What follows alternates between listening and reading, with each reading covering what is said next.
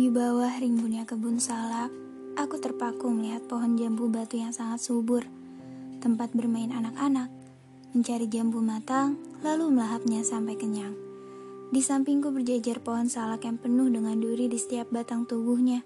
Durinya kecil dan sangat runcing. Jika tertusuk duri, cepatlah ambil getah pepaya untuk membuat duri itu keluar dari kulit.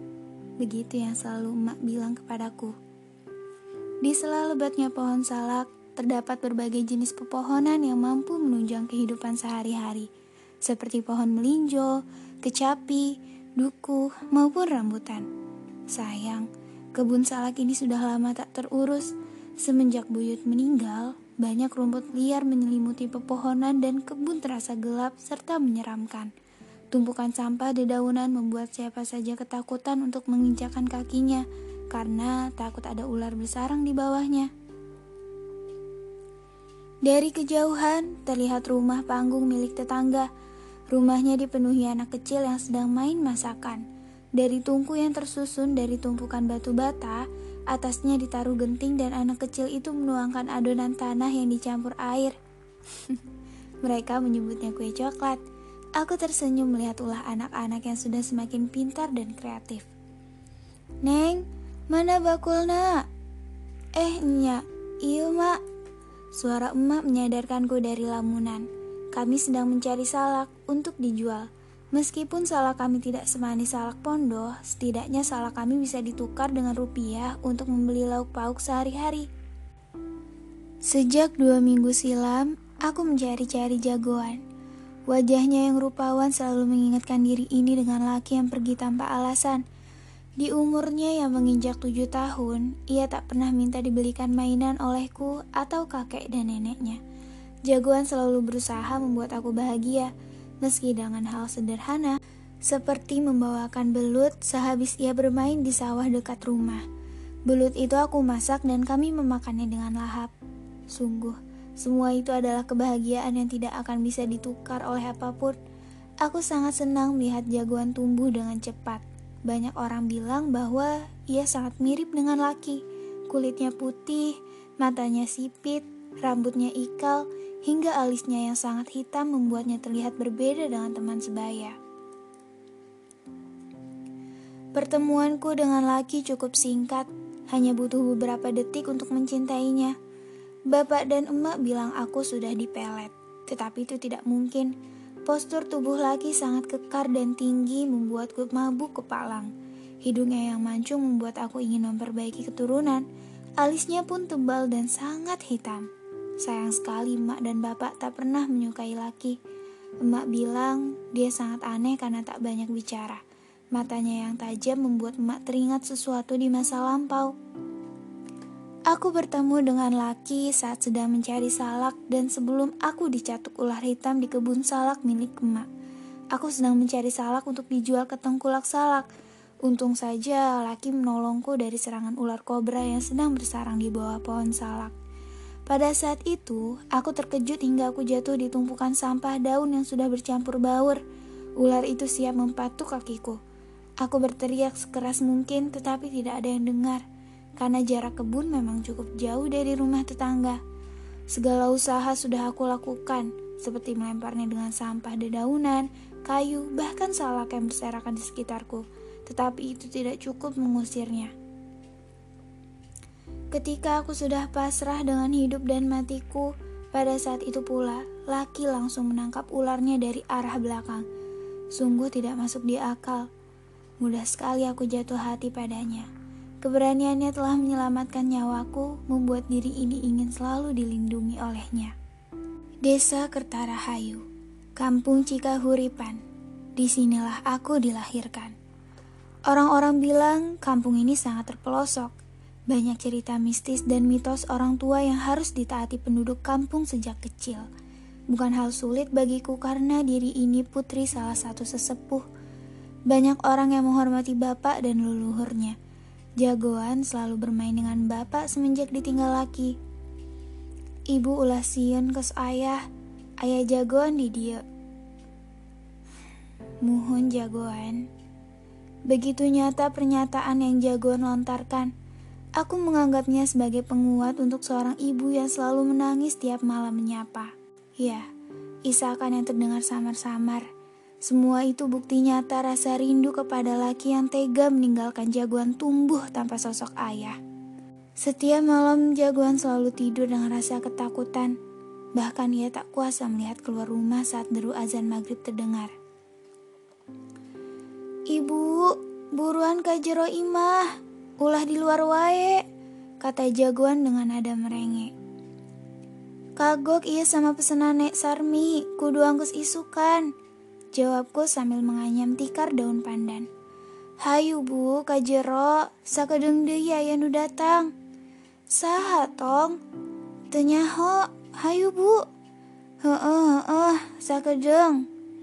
Perkataan itu selalu aku anggap biasa. Tak ada yang aneh sebab sedari dulu emak melarang berada di luar rumah saat malam tiba. Tetapi mengapa jagoan tahu hal itu? Apakah diberitahu oleh kakeknya? Aku tidak pernah bertanya. Sepulang sekolah, jagoan selalu ke sawah bersama Arman sepupunya.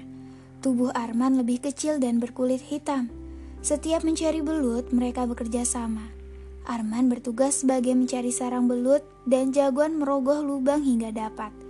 Arman anak yang sangat teliti, berbeda dengan jagoan. Anakku itu selalu lupa dengan sesuatu, termasuk pesan untuk tidak bermain terlalu jauh. Man, mana deui liangna? Sabar, abdi neangan di dia hela. Man, di galian sigana loba liangna. Heh, ulah wan, urang mah ulah kadinya. Dengan rasa penasaran, jagoan pergi ke arah galian yang tidak boleh didekati anak kecil. Kedalaman galian bisa mencapai 4 sampai 6 meter. Lubangnya lebih dari 5. Nenek moyang bilang galian tidak boleh didatangi.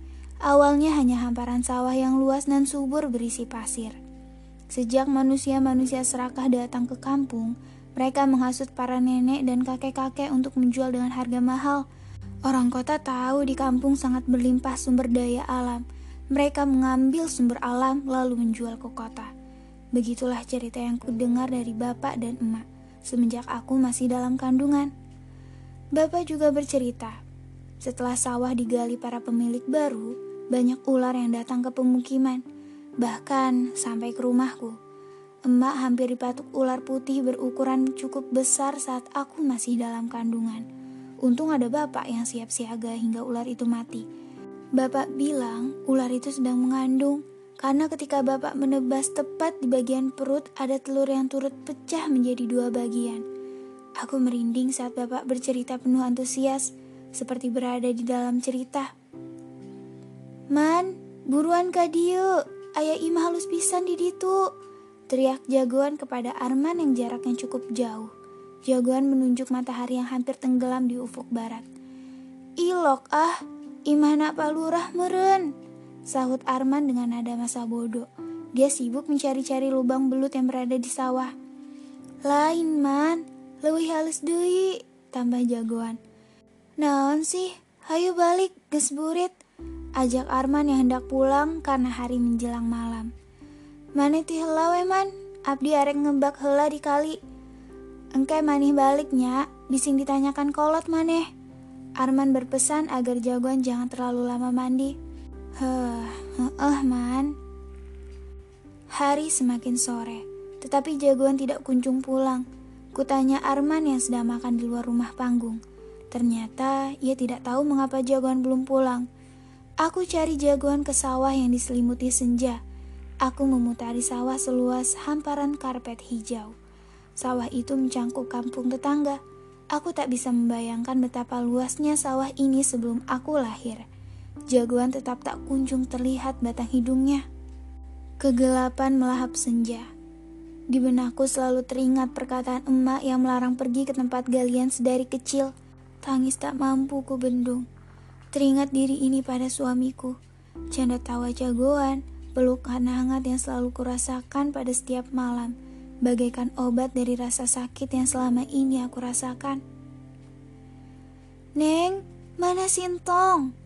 Tiba-tiba suara emak mengagetkan. Isak tangis semakin memuncak di gubuk tengah sawah. Tuh ayo mak, Neng ges neangan ke mana-mana tuh ayah. Aku menyeka air mata yang membasahi pipi. Ya enggas, hayu pak, orang gak itu.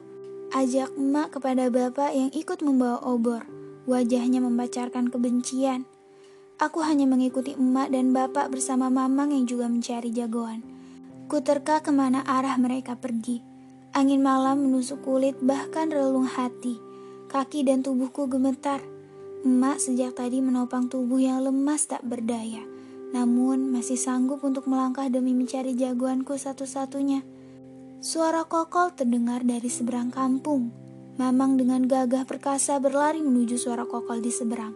Aku tak tahu itu pertanda apa, tetapi merasa hawa panas di tubuh ini semakin tinggi. Entah mengapa. Heh, ayah naon iya? Mamang berteriak ingin memastikan. Kadia pak, Okos naya nu mawat, tiba ngaya sendal na hungkul.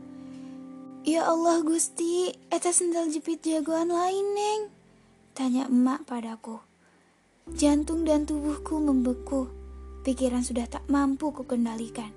Siapa lagi jika bukan jagoan yang paling aku sayang? Anak yang paling aku banggakan. Setiap hari tak pernah sepi saat ia berada di dekatku. Diri ini tahu Jagoan adalah hasil hubungan yang tak pernah orang tuaku inginkan. Tapi aku yakin, jagoan bukanlah kesalahan. Orang tuaku menerima jagoan, tetapi tidak dengan laki, ayahnya. Memang sulit dipercaya. Aku mencintai sosok pangeran dari istana yang mungkin bisa jagoanku lihat saat ini. Bapak bilang mereka bukan manusia, tapi iblis yang bersarang di sana. Mereka mencoba balas dendam atas perbuatan manusia-manusia serakah yang telah mengusik kehidupan, termasuk membalas dendamnya kepada bapak yang telah membunuh putrinya. Putri yang menjelma seekor ular putih yang hampir mematuk emak. Semoga jagoan bahagia bersama ayahnya di istana. Terkadang ceritaku terdengar mustahil, namun itulah kenyataannya. Aku jatuh cinta pada iblis yang menjelma manusia.